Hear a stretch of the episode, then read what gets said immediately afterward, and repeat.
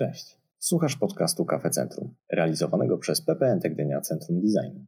To właśnie tu masz szansę spotkać autorytety branży kreatywnej, posłuchać inspirujących rozmów i zdobyć wiedzę z zakresu projektowania i biznesu. Zaczynamy. W dzisiejszym odcinku gościmy Łucję Cieślar ze Stowarzyszenia Serfenta, która w rozmowie z Joanną Kurkiewicz opowie o swojej współpracy z rzemieślnikami oraz o tym, czy plecionkarstwo w Polsce przeżywa swój renesans. Zapraszamy. Dzień dobry. Witam wszystkich na pierwszym wydarzeniu online towarzyszącym projektowi Dziewczyny na warsztat. Organizatorem dzisiejszego wydarzenia jest miasto Gdynia oraz Pomorski Park Naukowo-Technologiczny Centrum Designu. E, z tej strony Janna Kurkiewicz z Instytutu Designu w Kielcach, kuratorka wystawy Dziewczyny na warsztat. Do dzisiejszej rozmowy zaprosiliśmy Łucję Cieślar ze Stowarzyszenia Serfenta, I Łucja jest jedną z uczestniczek wystawy Dziewczyny na warsztat, e, która przedstawia e, pierwsze pokolenie polskich projektantek, które na taką skalę rozwinęło swoją działalność projektową. Witam Cię, Łucjo. Nasze dzisiejsze spotkanie będzie dotyczyć mariażu designu i rzemiosła. Porozmawiamy dzisiaj z Łucją o tym, za co Japończycy pokochali kosze z Polski oraz czy polskie rzemiosło może być towarem eksportowym. Łucjo, zacznijmy naszą rozmowę od tego, y, ponieważ y, działacie z Serfentą już bardzo długo, od 2009 roku, prawda?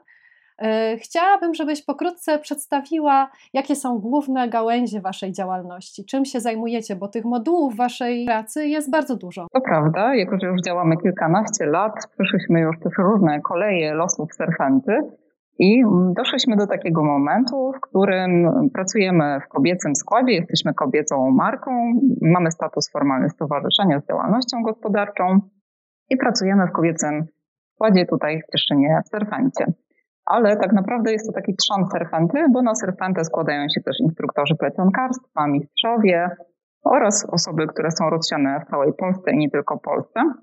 Taką główną osią naszej działalności to kosze z Polski. Sprzedajemy kosze z Polski, które możecie zobaczyć tutaj między innymi za mną, e, ale jakby podchodzimy do mm, produktu e, kompleksowo, to znaczy, że nie tylko kosze nas, nas interesują, ale cały proces powstawania takiego przedmiotu, to znaczy materiały plecionkarskie, narzędzia, które są potrzebne do powstania. Znamy oczywiście każdą osobę, która wyplata te kosze. Współpracujemy z mistrzami i mistrzyniami plecionkarstwa z całej Polski.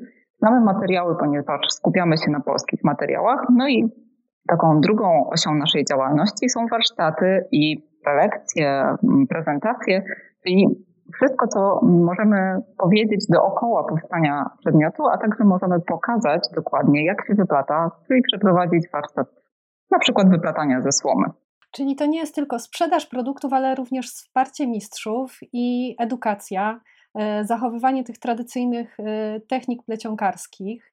E, I wiem, że przeprowadziłyście dużo badań etnograficznych. Generalnie zjechałyście Polskę wzdłuż i wszerz i byłyście nie tylko w Polsce, badałyście też rzemiosło związane z wyplataniem w różnych krajach europejskich. Czytając materiały, które są umieszczone w sieci, można e, wychwycić, że rzeczywiście to polskie plecionkarstwo to jest e, skarb, to jest bogactwo narodowe i bardzo ciekawi mnie to, jakie techniki i materiały wyplatania są charakterystyczne dla danego regionu. Wydaje mi się to też bardzo interesujące z perspektywy projektanta młodego, który zaczyna swoją przygodę z wytwarzaniem produktu. Ta plecionka może e, mu dać nowe możliwości realizacji projektów. Jakbyś mogła powiedzieć, e, czy są właśnie takie charakterystyczne dla danego regionu e, techniki i materiały, bo przecież plecionkarstwo to nie tylko wiklina. Zdecydowanie tak. Zacznę może od tej Twojej myśli, że faktycznie uważamy, że jest to nasz narodowy skarb.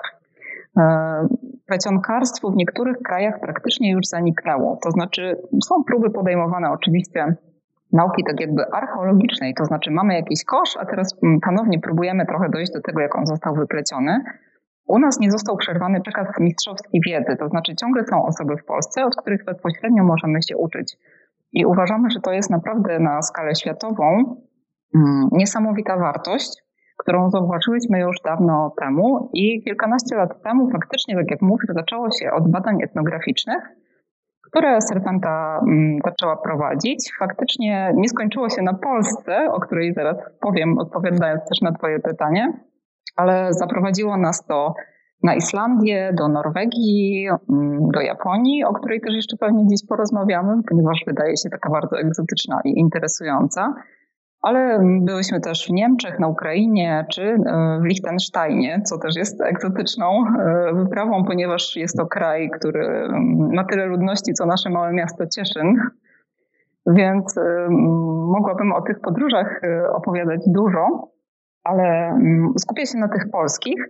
I tylko chciałam Wam pokazać, że jeżeli pomimo tego, co zaraz powiem, w wielkim skrócie poczuje ktoś niedosyt, to e, mamy taką książkę plecionkarskim szlakiem Wisły, w której opisałyśmy swoje podróże, ale jest to bardziej reportaż niż album, ponieważ można tam zobaczyć różne techniki, materiały i mistrzów. Czyli to jest takie kompendium wiedzy plecionkarskiej.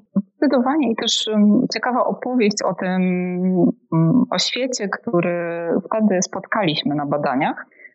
Teraz, jeżeli będę opowiadała o jakichś kategoriach czy materiałach, będę się opierała właśnie na tych badaniach, na które wtedy wyruszyliśmy. I um, oczywiście można teraz wyodrębniać pewne regionalizacje i skupiać się na konkretnych regionach, ale powiem Wam oczywiście, jak my to robiliśmy.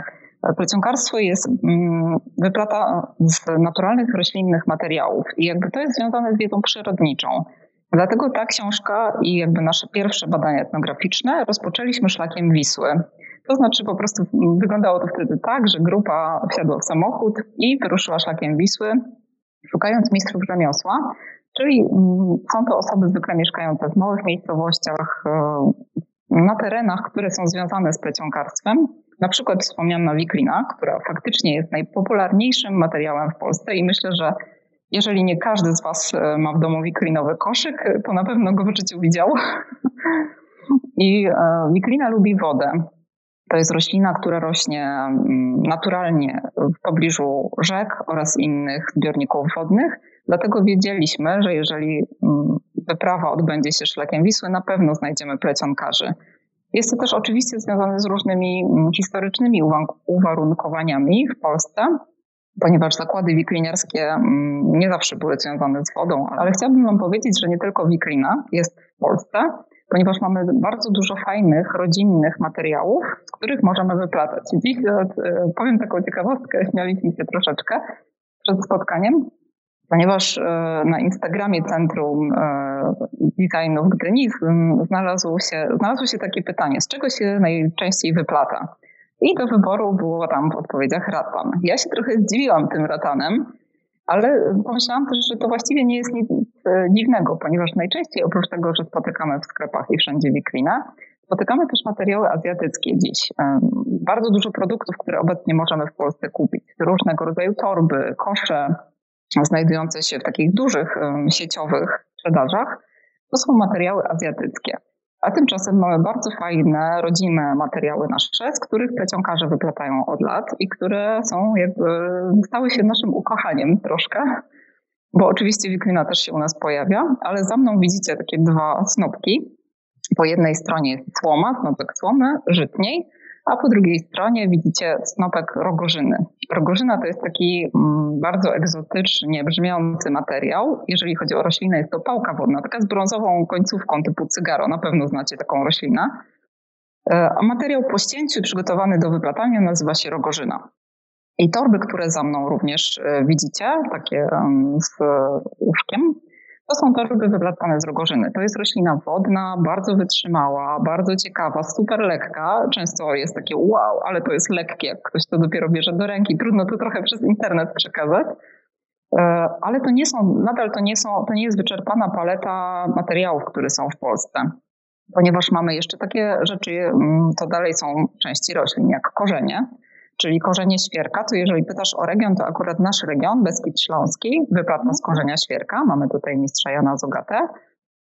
E, jest też korzeń sosny, z którego raczej wschód i północ Polski. To również jest związane z uwarunkowaniem terenu, z piaszczystym terenem. Raczej jakby musiałabym wejść w szczegóły przyrodnicze troszkę bardziej. Oprócz tego mamy też e, pasy drewna, z drewna dębowego, z drewna leszczynowego można wyplatać.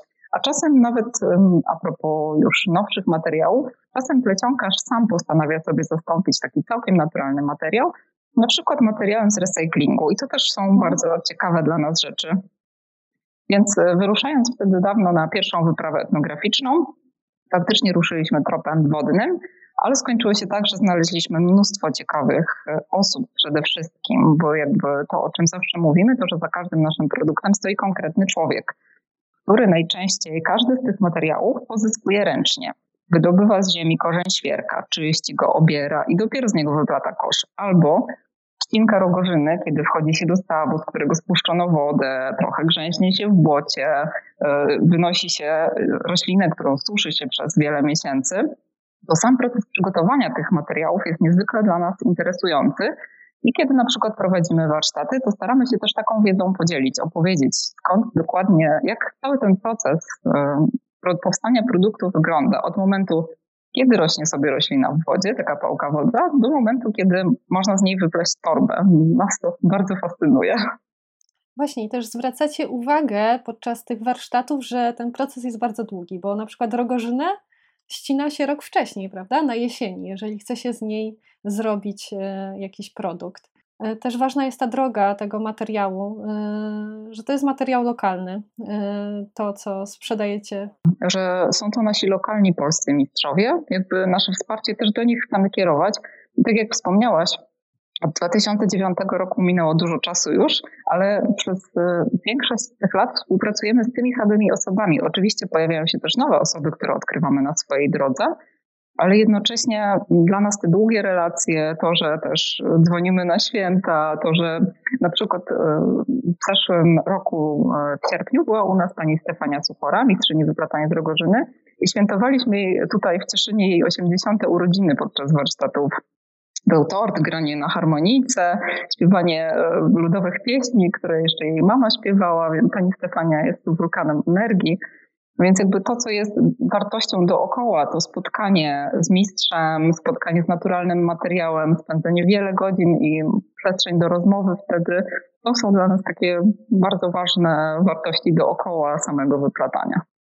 Dla mnie to, o czym teraz mówisz, to jest właśnie ta największa wartość y, serfenty, że wyłączycie pokolenia i czasami to są ostatnie osoby, które wykonują jakąś daną technikę y, i że też y, staracie się, żeby ona nie zginęła, że kształcicie też młodych adeptów. Mm, ale też niezwykłe jest to, że y, dbając o promocję i sprzedaż produktu, zawsze jest podany ten rzemieślnik, od którego mm, ta rzecz pochodzi. I chciałabym przejść tutaj do kolejnego zagadnienia y, naszej rozmowy, ponieważ w Serfencie zajmujesz się social mediami, promocją i sprzedażą produktów rzemieślniczych. I Wiem, że to nie jest tylko sprzedaż na rynku polskim, że też Wasze produkty zyskały uznanie za granicą. Jakbyś mogła powiedzieć i na przykładzie Serfenty, i w takim szerszym kadrze, jak Ty to widzisz? Czy polskie rzemiosło e, ma szansę zyskać jakichś klientów właśnie zagranicznych na szerszą skalę? E, jak to było w ogóle w Waszym przypadku? Skąd to się wzięło, że właśnie kosze z Polski e, są sprzedawane w Japonii? Och. E, faktycznie, to prawda, odkrywasz moje karty, to ja zwykle stoję za social mediami serpenty, więc Instagram i Facebook e, często to ja się z wami komunikuję. Tak, zagranica jest w ogóle zainteresowana rzemiosłem. Wydaje mi się, że trzeba troszeczkę spojrzeć na to zagadnienie z takiego punktu, wartości produktu wytwarzanego ręcznie. Jeżeli chodzi o zachód Europy i północ Europy, o Stany Zjednoczone, czy też właśnie na przykład o Japonię, są to kraje, które wartość w rzemiośle i w pracy ręcznej i lokalności widzą już od dłuższego czasu niż obserwujemy to u nas w Polsce. Być może wynika to też z tego, że na przykład w Wielkiej Brytanii plecionkarzy nie ma, nie ma już zbyt wielu. Mhm. A w Polsce wciąż mamy ich wielu i jakby wciąż zdobycie w Polsce kosza i kupienie sobie kosza z wikliny od lokalnego rzemieślnika to nie jest taka trudna sprawa. I, mm, ale też wydaje mi się, że mnóstwo czynników się składa na to, że w Polsce ludzie przyzwyczaili się, że rzemiosło jest tanie. Mm. Tak. I tymczasem, tak, a, a, kiedy wracamy jakby do tej rozmowy o materiale i ręcznej ścince, która trwa wiele godzin, suszeniu materiałów, końcowo wyplataniu, to my jesteśmy przekonane, że to rzemiosło nie może być wyceniane tanio, ponieważ ma zupełnie inną wartość praca ręczna i człowiek za nią stojący. E, I wydaje nam się, że zagranica już to wie, E, są kraje, które mm, doceniają swoje lokalne rzemiosło. Na przykład w Skandynawii, Skandynawia lubi promować swoje rzemiosło i swoich rzemieślników, ale też docenia po prostu dobrze wykonaną pracę. I mm, bardzo fajnym przykładem właśnie jest wspomniana Japonia. Żeby nie było, że w Polsce to się w ogóle nie odbywa. Mam wrażenie, że świadomość klienta zdecydowanie rośnie. E, I że coraz więcej jest ludzi, którzy doceniają lokalny produkt, e, że znają osobę, która go wyplotła, że dokładnie mogą poznać drogę kosza, skąd przyszedł, kto go zrobił, skąd on się wziął w serfencie, mm, z jakiego jest materiału i jaką techniką. Wydaje mi się, że coraz więcej ludzi szuka takich wartości. I jakby mm, może to, nie wiem czy to dobrze zabrzmi, ale pandemia trochę temu pomogła, że okazało się, że pewne rzeczy nie mogą do nas przypłynąć czy przyjechać z zagranicy, więc zaczęliśmy się rozglądać lokalnie, czy możemy coś kupić od lokalnej osoby, choćby chleb od sąsiada, na przykład najprostszy przykład, albo z lokalnej piekarni. Japonia faktycznie jest krajem, w którym rzemiosło jest e, bardzo wysoko cenione, w ogóle praca ręczna jest bardzo wysoko ceniona. Nawet mają taką bardzo ciekawą instytucję, która nazywa się Żywy Skarb Narodowy. To znaczy, że tak jak u nas przyznaje się umiejętności, wpis na listę dziedzictwa kultury, albo konkretny przedmiot można też wpisać, albo właśnie umiejętność na tą listę, to tam można objąć ochroną osobę, która jest, on, jest tym twórcą i rzemieślnikiem. E, I mm, jakby na naszej drodze faktycznie e, spotkałyśmy się z Japonią, że tak powiem, z całym krajem, oczywiście nie tylko z jej przedstawicielami, i okazało się, że oni bardzo są ciekawi naszego rzemiosła, są ciekawi porównania technik, e, jakby szukają naturalnych, ręcznie wytwarzanych produktów. I my zobaczyłyśmy, że mamy w Polsce niesamowitą wartość, którą możemy odpowiedzieć na tą potrzebę. I jakby, mm, no, Japonia wydaje się w ogóle egzotyczna. Może od razu też powiem, że byłyśmy fizycznie w Japonii, e, jako surfenta oczywiście. Zaprosiła nas Izumi Fujita z Fundacji Slow Art Poland na targi w Hankyu.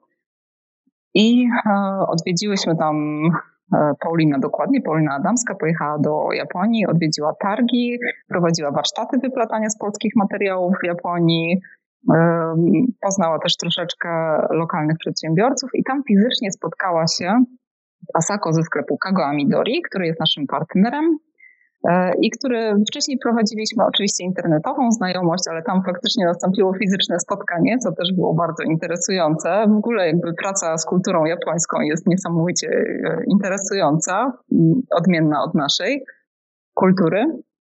E, I faktycznie zaowocowało to długą współpracą.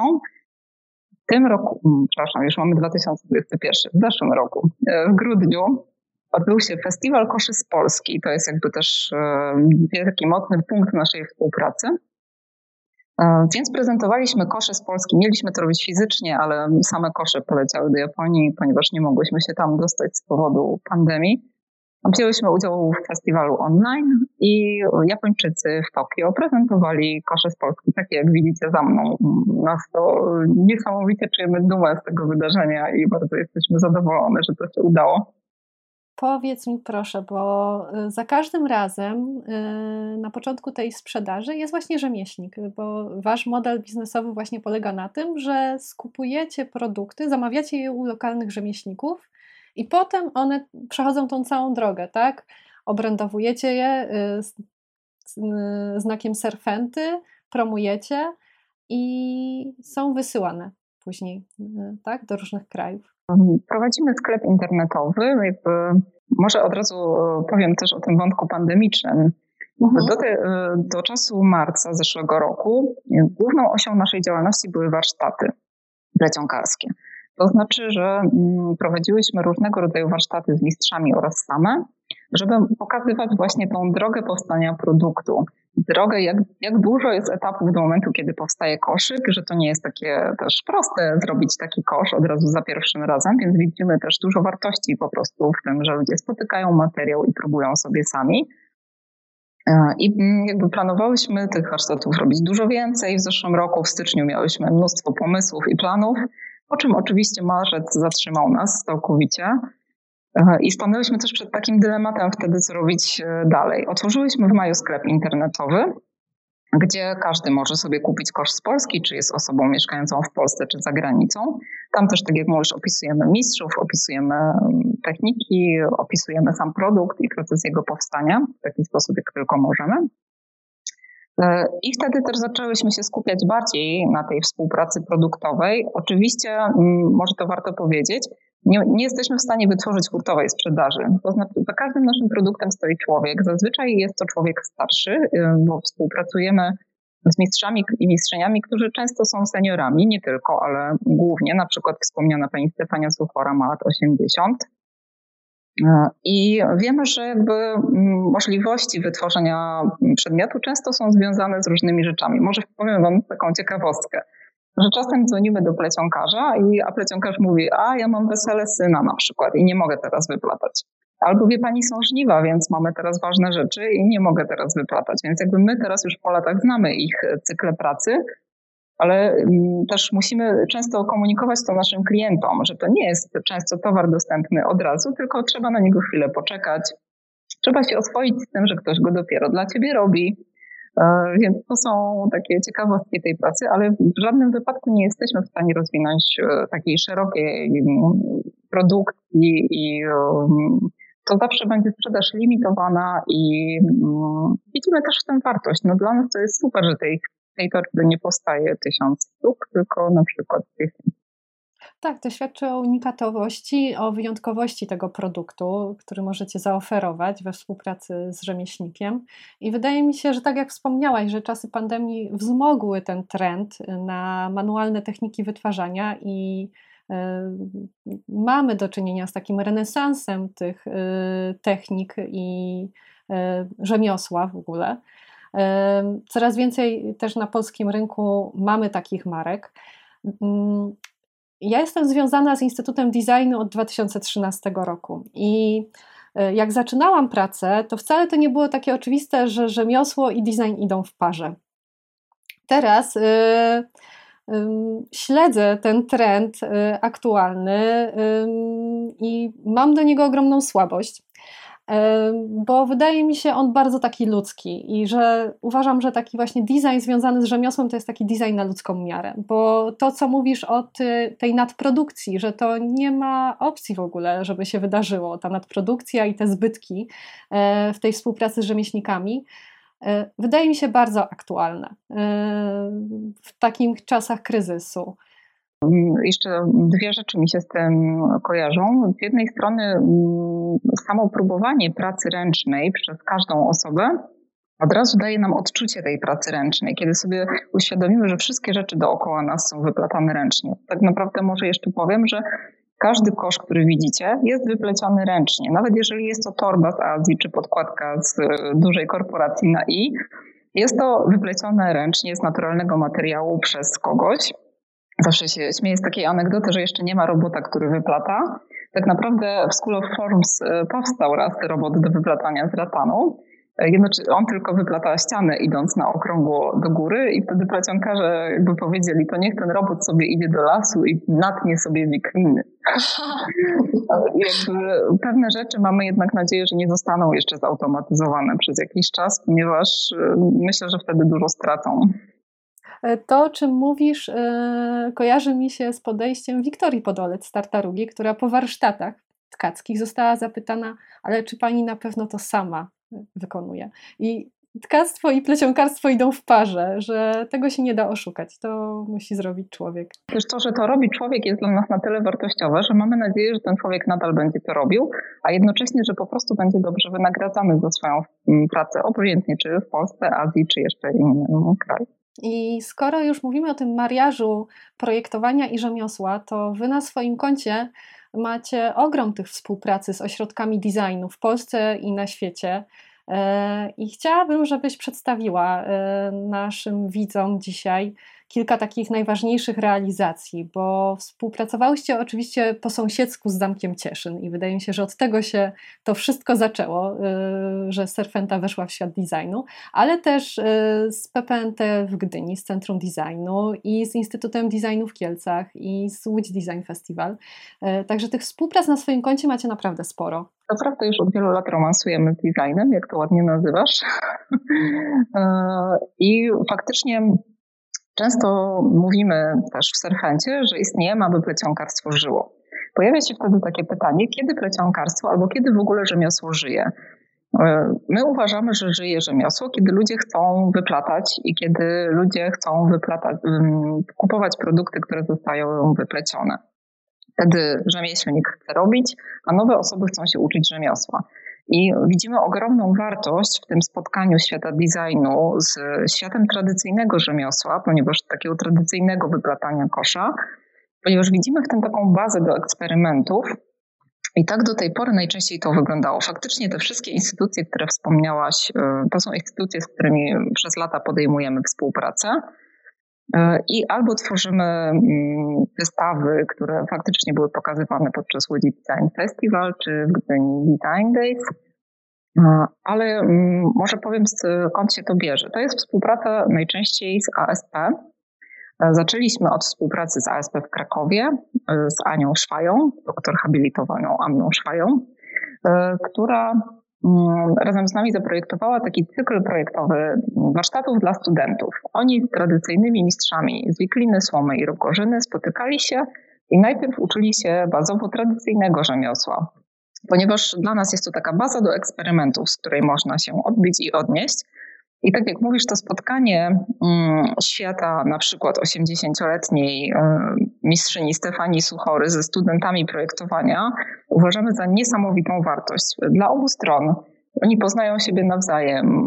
Pani Stefania widzi, widzi jaką młodzi ma, jakie młodzi mają pomysły i czego szukają, ale też jednocześnie wprowadza taki fajny balans. Ktoś, kto wypata od bardzo wielu lat z rogorzyny, szanuje materiał to jest bardzo jakby w rzemiośle odczuwalne naszym tradycyjnym, że jeżeli faktycznie sobie wchodzisz do stawu i sama ścinasz rogorzynę, to potem każdy liść jest dla ciebie bardzo ważny, bo wiesz, że jakby wymagał twojej pracy, żeby go zdobyć. Dlatego śmiejemy się czasem z różnych niedasi, ale faktycznie to wynika z jakiejś, to nie jest tylko jakby opór kogoś, kto czegoś nie chce zrobić, ale to jest podparte taką y, filozofią less waste, czy nawet zero waste, żeby wykorzystać każdy element materiału. I to jest jakby przekaz, który płynie z tego tradycyjnego rzemiosła do nowoczesnego. Myśl rozsądnie o materiale. Zobacz, jaki element możesz do czego wykorzystać. Jak możesz to zrobić i zaprojektować lepiej, żeby było to oczywiście i piękne, i użyteczne, ale żeby nie marnować. I jakby to też nam się bardzo podoba, taka idea i takie podejście. Dlatego podczas tych warsztatów, o których wspominam, to był cały cykl, studenci wyplatali, uczyli się najpierw bazowo tradycyjnego rzemiosła, potem wyplatali mm, według swojego pomysłu, z pomocą e, swoje własne produkty. Cała wystawa, która nazywała się Sploty na fali, na przykład można właśnie było ją obejrzeć w Gdyni. I tam też e, temu towarzyszyły wydarzeniu warsztaty plecionkarskie. E, I te przedmioty, które powstały, były naprawdę fascynujące. E, i świetne. I nawet dwa z nich udało nam się później wdrożyć do sprzedaży. To znaczy według projektu studentów, studentek dokładnie wtedy. Mm, I nadal jeden z nich faktycznie znajduje się u nas w sklepie Serfenty, więc widzimy też taką fajną użytkowość i, i myślenie o użyteczności i pięknie naturalnych rzeczy. Więc e, to była nasza współpraca z ASP w Krakowie. Później współpracowaliśmy też z ASP w Łodzi. Mm. I z ASP w Katowicach mamy też stałą współpracę. I faktycznie jakby wystawy różne są efektem różnych spotkań rzemiosła i designu. Na przykład na Łodzi Design Festival prezentowaliśmy wystawę Pleciemy, która była nastawiona konkretnie na materiały plecionkarskie, na to, jakie mamy różnorodne, z czego można korzystać, co można z tego zrobić. I ten aspekt nowoczesnego projektowania to jest to właśnie takie nowe życie plecionkarstwa, które widzimy jako nową, odrębną drogę, która trochę przetwarza stare rzemiosło, trochę dodaje mu nowych kontekstów, trochę eksperymentuje, ale jakby efekty są świetne i myślę, że dalej będziemy kontynuować te warsztaty różnego rodzaju. Więc zapraszamy też cały czas różne uczelnie i instytucje do współpracy bo wydaje mi się, że efekty mogą być zaskakujące. I właśnie w kontekście tego chciałam Ciebie zapytać, e, jakie jest Twoje osobiste podejście do projektowania rzeczy wyplatanych przez studentów wzornictwa, przez projektantów, bo wydaje mi się, że właśnie plecionkarstwo w rękach e, projektanta może zyskać takie nowe oblicze Ale zastanawiam się nad tym też, jeżeli chodzi o to, czy w ogóle znacie takich projektantów ze świata, e, którzy na dużą skalę używają tych technik plecionkarskich, którzy, którymi mo, może projektanci mogliby się inspirować, ale też czy są podobnie funkcjonujące grupy jak wasza, które promują rodzinne rzemiosło? O, e, oczywiście wielu artystów sięga po rzemiosło plecionkarskie. I wydaje mi się, że takim fajnym punktem programu, który chętnie bym Wam poleciła, ale oczywiście nie wiem, czy on się w tym roku fizycznie odbędzie. W zeszłym roku się nie odbył, ale przez wiele lat się odbywał. To są różnego rodzaju festiwale e, rzemiosła i plecionkarstwa. I taki festiwal, na który my już kilka razy pojechałyśmy, to jest festiwal w Lichtenfels w Bawarii, w Niemczech. Tam jest cała szkoła plecionkarska która co prawda nie sięga aż tak do takich tradycyjnych bardzo metod, jak my, nie, nie współpracuje być może z tradycyjnymi plecionkarzami, ale oni też tam są obecni na tym festiwalu. Ale przyjeżdżają tam projektanci i designerzy z całego świata, którzy i budują instalacje wiklinowe, i mm, prezentują jakby rzemiosło, odbywają się różnego rodzaju warsztaty. W Polsce taki festiwal też się odbywa w Nowym Pomyślu co kilka lat. Więc na pewno jest to bardzo interesujące, ale przy tej okazji może ja wspomnę o takim kolektywie, który mnie bardzo porusza, bo pytasz o moje osobiste wrażenia. To jest Rad Duet, studio z Poznania. E, chłopaki, na pewno, jeżeli jesteście zainteresowani tą tematyką, znacie ich kolekcję, czy Wiesia, czy Dom Kujawski.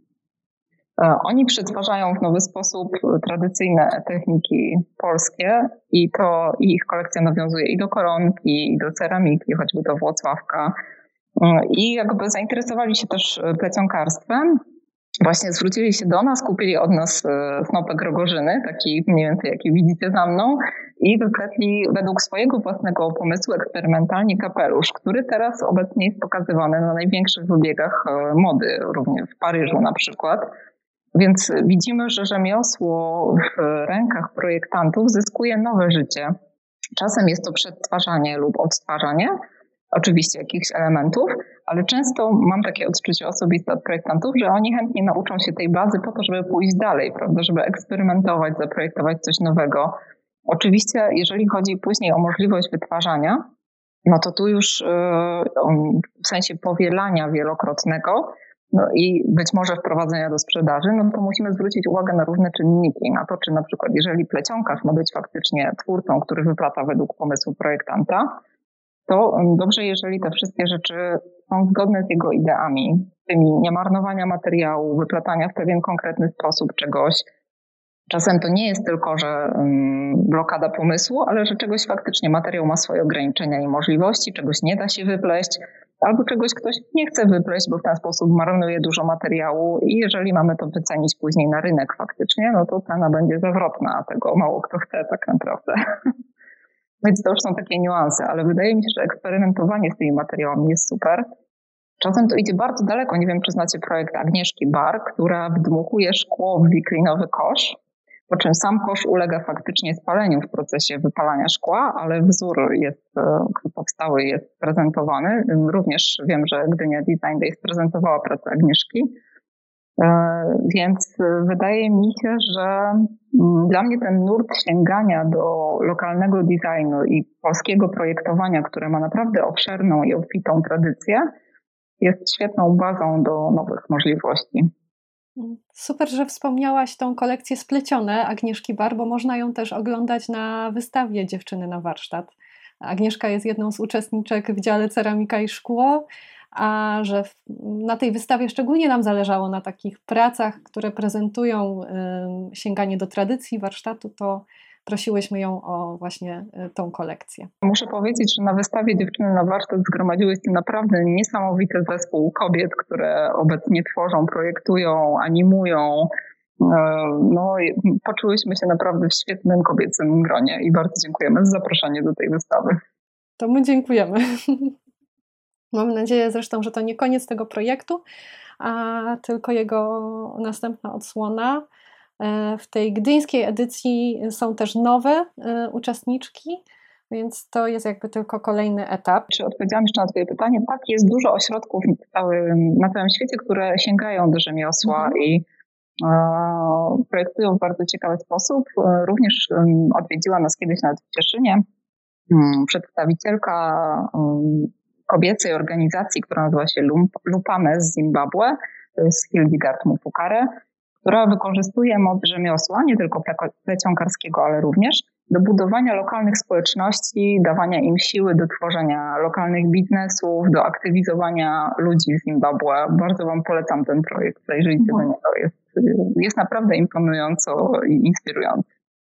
Tak, bo rzemiosło i budowanie społeczności idą w parze też i to, to też warto podkreślić. Tak, też rozmawialiśmy o tym przy, przez chwilę, że kiedy zapraszamy Was na warsztaty, to mamy zazwyczaj kilka godzin czasu, spędzamy razem e, i my zawsze mówimy, że kiedy ręce pracują, głowa odpoczywa. Oczywiście początek, zanim się załapie, co w ogóle trzeba robić, jest troszeczkę e, bardziej skupiony na rękach, ale w momencie, kiedy wchodzimy w rytm wyplatania, ponieważ wyplatanie bardzo często jest rytmiczną, powtarzalną pracą, pewien ruch trzeba odtworzyć naprawdę wiele razy, to w którymś momencie nasza głowa przestaje nad tym pracować i rozluźnia się. I wtedy, jeżeli jesteśmy w gronie, dlatego trochę tęsknimy za, za stacjonarnymi warsztatami i za po prostu takim spotkaniem z drugim człowiekiem, to wtedy zyskujemy taką fajną przestrzeń, gdzie możemy porozmawiać, wymienić się mm, czy przemyśleniami na temat rzemiosła, czy po prostu swoimi historiami.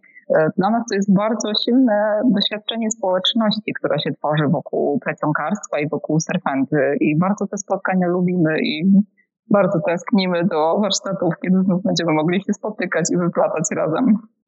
Tak, bo kolejna sprawa, którą chciałam y, poruszyć, to właśnie ten moduł edukacyjny w Serfencie, bo on jest bardzo silny. Sama miałam okazję brać udział w warsztatach z mistrzynią y, wyplatania z rogorzyny i to było świetne przeżycie.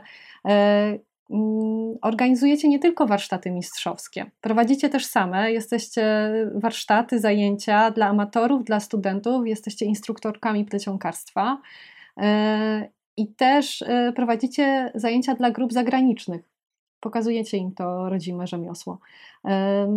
Mogłabyś na ten temat coś więcej jeszcze powiedzieć, właśnie, bo to jest, to jest rzeczywiście trend, że warsztaty rzemiosła z różnych e, dyscyplin stają się bardzo popularne i wydają się potrzebne ludziom. Są taką nową formą spędzania czasu wolnego, taką bardzo, bardzo potrzebną, pożądaną. Bardzo często zaczyna się od szukania hobby. E, wydaje mi się, że teraz jakby jesteśmy w dobie komputerowej, a już teraz zwłaszcza w pandemii, kiedy bardzo dużo rzeczy odbywa się tak jak my dziś. Spotkań online, webinarów, meetingów w pracy i w którymś momencie potrzebujemy jakiejś aktywności fizycznej i właśnie odpoczynku dla głowy. Więc e, faktycznie proponujemy warsztaty na każdym jakby poziomie, Możemy zaproponować warsztaty dla mm, grup, e, czy też dla grup tutaj u nas na miejscu. Zwykle robiłyśmy tak przed pandemią, gwiazdka, która musi się czasem pojawić, e, że można było zamówić nasz warsztat do dowolnego miejsca w Polsce. Mamy mhm. instruktorów, którzy z nami współpracują w całej Polsce, mamy też mistrzów, więc e, i jeździłyśmy za granicę z warsztatami i wtedy przyjeżdżamy kompleksowo. Bierzemy z sobą materiały, bierzemy z sobą narzędzia, mamy fartuszki i jesteśmy przygotowane na każdą ewentualność. Oczywiście też bardzo dużo opowiadamy e, podczas takich warsztatów o rzemiośle, o mistrzach, o wszystkim, co wiemy. I chętnie się też e, dzielimy tą wiedzą podczas warsztatów i nie tylko.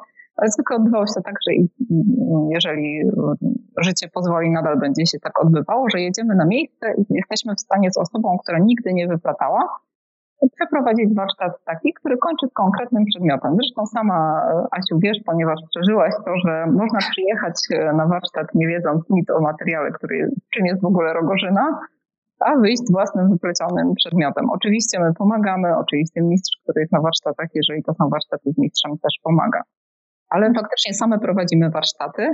E, oczywiście mm, nauczyłyśmy się tego w procesie e, przejęcia mm, wiedzy i uczenia się z naszymi mistrzami, z którymi spędzamy i różne godziny e, sam na sam, żeby się nauczyć. Na przykład słomy pętelkowej nauczyłyśmy się od Jadwigi Ciemieniewicz, która no w ogóle, ja o każdym mistrzu mogłabym dużo odpowiadać. To są bardzo kochane osoby. Ty miałaś, Asiu, okazję poznać Helenę Rogale, która wyplata z Rogorzyny. E, I nazywamy ją w ogóle królową Rogorzyny, ponieważ wie o tym materiale wszystko i jest w stanie niesamowicie wyplatać. Jest też bardzo ciekawą osobą. E, Jadwiga Ciemieniewicz z kolei jest niesamowita, nazywam ją serduszkiem serfenty, ponieważ jest bardzo ciepłą osobą, która bardzo chętnie zawsze też gości i dzieli się swoją wiedzą. Więc jakby staramy się wziąć to, co dobre i mm, przekazywać dalej, ponieważ widzimy w tym też sens, że ludzie się uczą rzemiosła, że nie tylko kupują produkty, ale próbują sami, widzą wartość wyplatanej pracy i mogą sobie później sami w domu spróbować. Doszliśmy też w pandemii do tego, że mamy nawet zestaw Zrób to sam na stronie, zwłaszcza ten do wyplatania ze słomy Wam polecam na spróbowanie pierwszy raz. I mam już takie informacje od ludzi, którzy sobie go kupili, usiedli w domu, w domowym zaciszu. Mm, wysyłamy wtedy materiały oraz można, w pakiecie jest film instruktażowy, więc siada się niestety z komputerem, a nie z nami osobiście, ale można sobie w ten sposób samemu w domu wypleść kosz. Spróbować właśnie poeksperymentować z materiałem. Więc um, mimo, że czekamy faktycznie na warsztaty, aby znów, e, znów je prowadzić i tutaj w Serfencie chcemy mieć takie centrum, do którego Was zapraszamy, zwłaszcza, że jesteśmy na polsko-czeskiej granicy, co jest dodatkową atrakcją. Uważamy, że odwiedzenie Cieszyna w ogóle jest fajne, bo po warsztatach możemy zwiedzić polską i czeską stronę, wyjść sobie e, na zwiedzanie czy spacer po Cieszynie, więc często jakby sam warsztat to nie są tylko godziny wspólnej pracy, tylko po prostu często spędzamy razem czas i to jest bardzo fajne. Ale jakby od razu też powiem, że szykujemy taką ciekawostkę, ponieważ jak na razie online nie chce nas odpuścić. E, I wiemy, że wyplatanie online jest, e, jest inne. To nie jest spotkanie na żywo, inny jest ten przekaz wiedzy, a jednocześnie czujemy, że po prostu musimy też znaleźć taką drogę do Was. Już jej szukamy i niedługo mam nadzieję, że ogłosimy Wam pierwsze możliwość warsztatu online. I to będzie materiał rogoszynowy. E, super, że wspomniałaś o tym, że Wasza działalność warsztatowa w e, tym roku pandemii przeszła taką e, próbę i że pojawiły się nowe sposoby, bo nie tylko Wasza marka przeszła z tymi warsztatami do sieci i wiele polskich marek ma teraz w ofercie swoich sklepów internetowych możliwość wykupienia warsztatów online. Mi się wydaje, że to jest taka mm, kolejna możliwość, że to z nami zostanie. E, i e, że też się przez to rozwijamy. Jeżeli wyplatamy ze słomy, ona pachnie, ona jest miękka i przyjemna w dotyku, ona działa na nasz wzrok, działa na nasz zapach, e, daje naprawdę dużo więcej bodźców niż, niż na przykład obejrzenie filmu. Tak, to są takie terapeutyczne warsztaty. One te, taką mają mantrową też jakąś rolę. To, Przejdźmy jeszcze do ostatniego pytania, bo tak na koniec chciałam Cię zapytać, jakie e, w tym w tych dziwnych czasach, w jakich teraz żyjemy, e, macie plany rozwoju Serfenty? Jakie są Wasze najbliższe cele? E, wiem, że zostałyście docenione w programie Mastercard. Zostałyście wybrane jako biznes z pasją, więc mo mogłabyś króciutko jeszcze o tym wspomnieć na koniec naszej rozmowy? Faktycznie zostałyśmy e, wybrane do programu Biznes z Pasją jesteśmy promowane przez firmę Mastercard.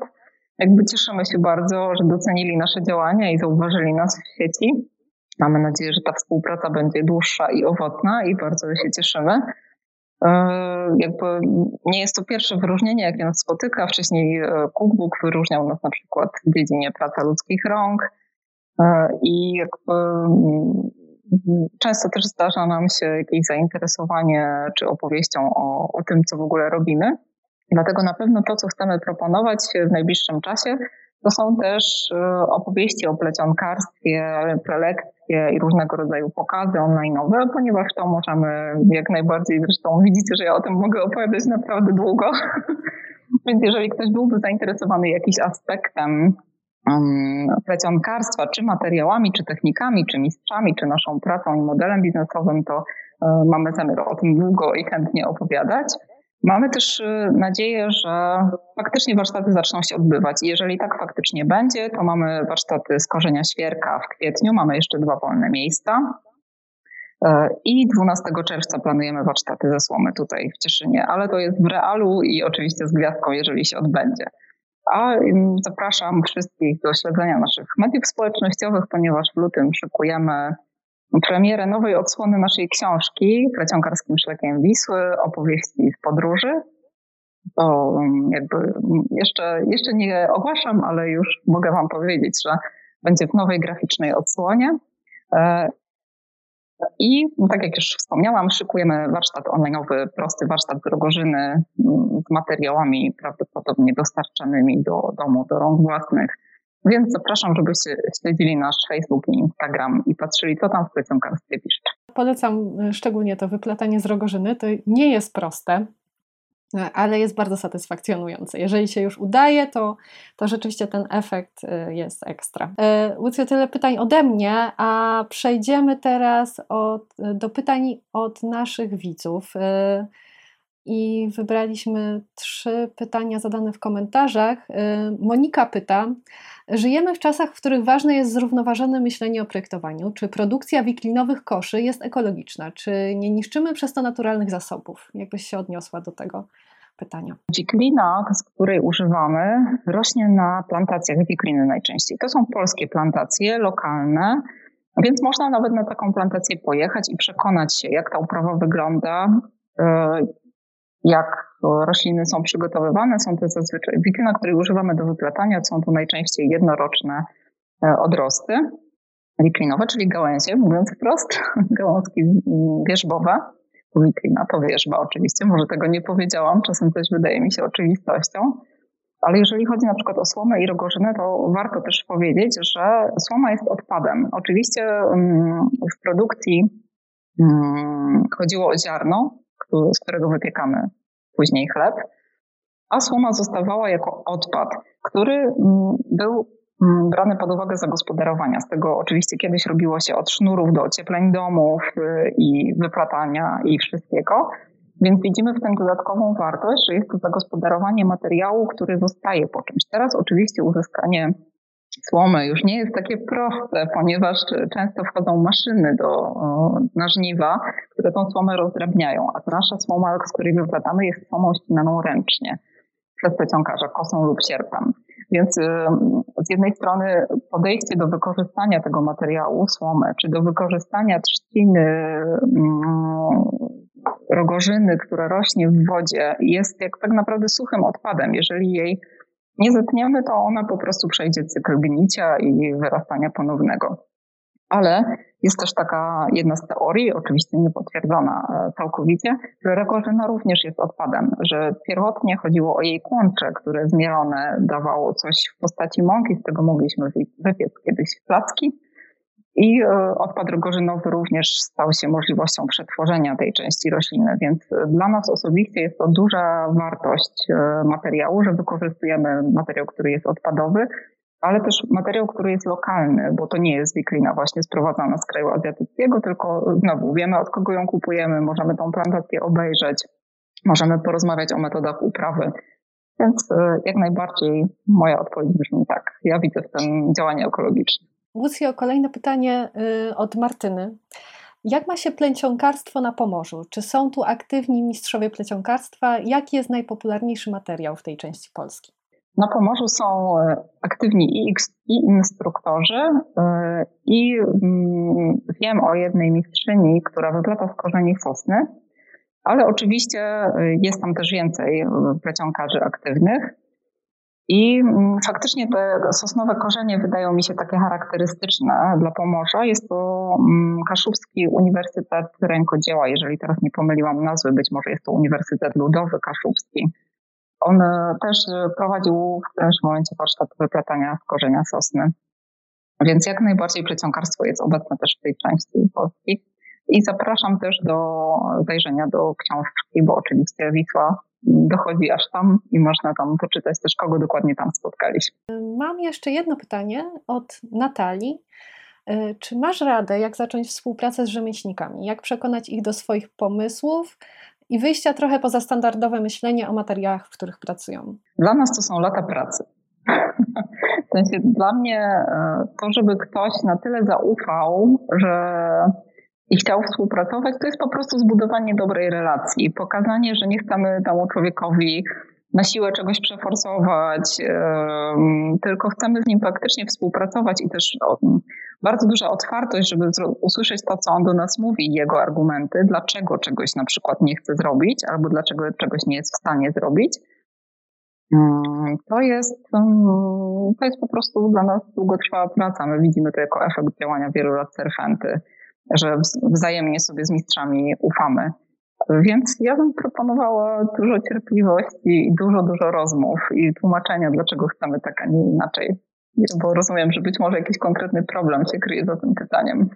E, ja miałam okazję rozmawiać e, niedawno z Kasią Chudyńską-Szuchnik z Muzeum Warszawskiej Pragi. Ona od lat działa na Pradze i przekonuje rzemieślników do swoich projektów.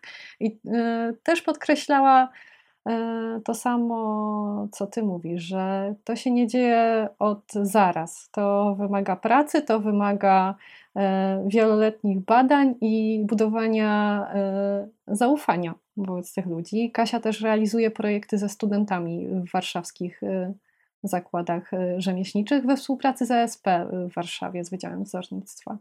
Także takie projekty y, są w Polsce, są możliwe i są animatorzy, edukatorzy, którzy, którzy takie rzeczy robią, którym się udaje je robić, ale to rzeczywiście jest praca rozłożona na lata.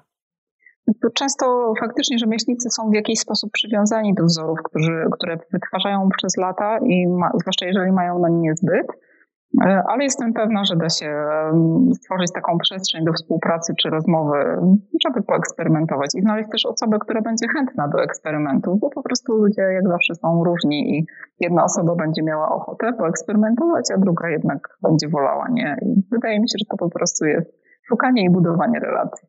Łucjo, to wszystko na dzisiaj. Ja bardzo dziękuję Ci za tą rozmowę. Dziękuję za to, że przekazałaś swoją wiedzę, że się nią podzieliłaś e, z uczestnikami webinaru. Dziękuję Państwu, że uczestniczyliście w tym spotkaniu. Mam nadzieję, że wynieśliście z niego dużo dla, dla siebie, dla swoich marek, że skorzystacie e, na tym e, w prowadzeniu swoich biznesów i działalności projektowej. Organizatorem dzisiejszego spotkania był Pomorski Park Naukowo-Technologiczny. E, spotkanie towarzyszyło wystawie Dziewczyny na warsztat. W programie są kolejne spotkania online, oprowadzanie, na które serdecznie zapraszam. Dziękuję Państwu za uwagę. Ja również bardzo dziękuję. Pozdrawiam wszystkich z Cieszyna. Dziękujemy, że byliście z nami. Na dziś to wszystko.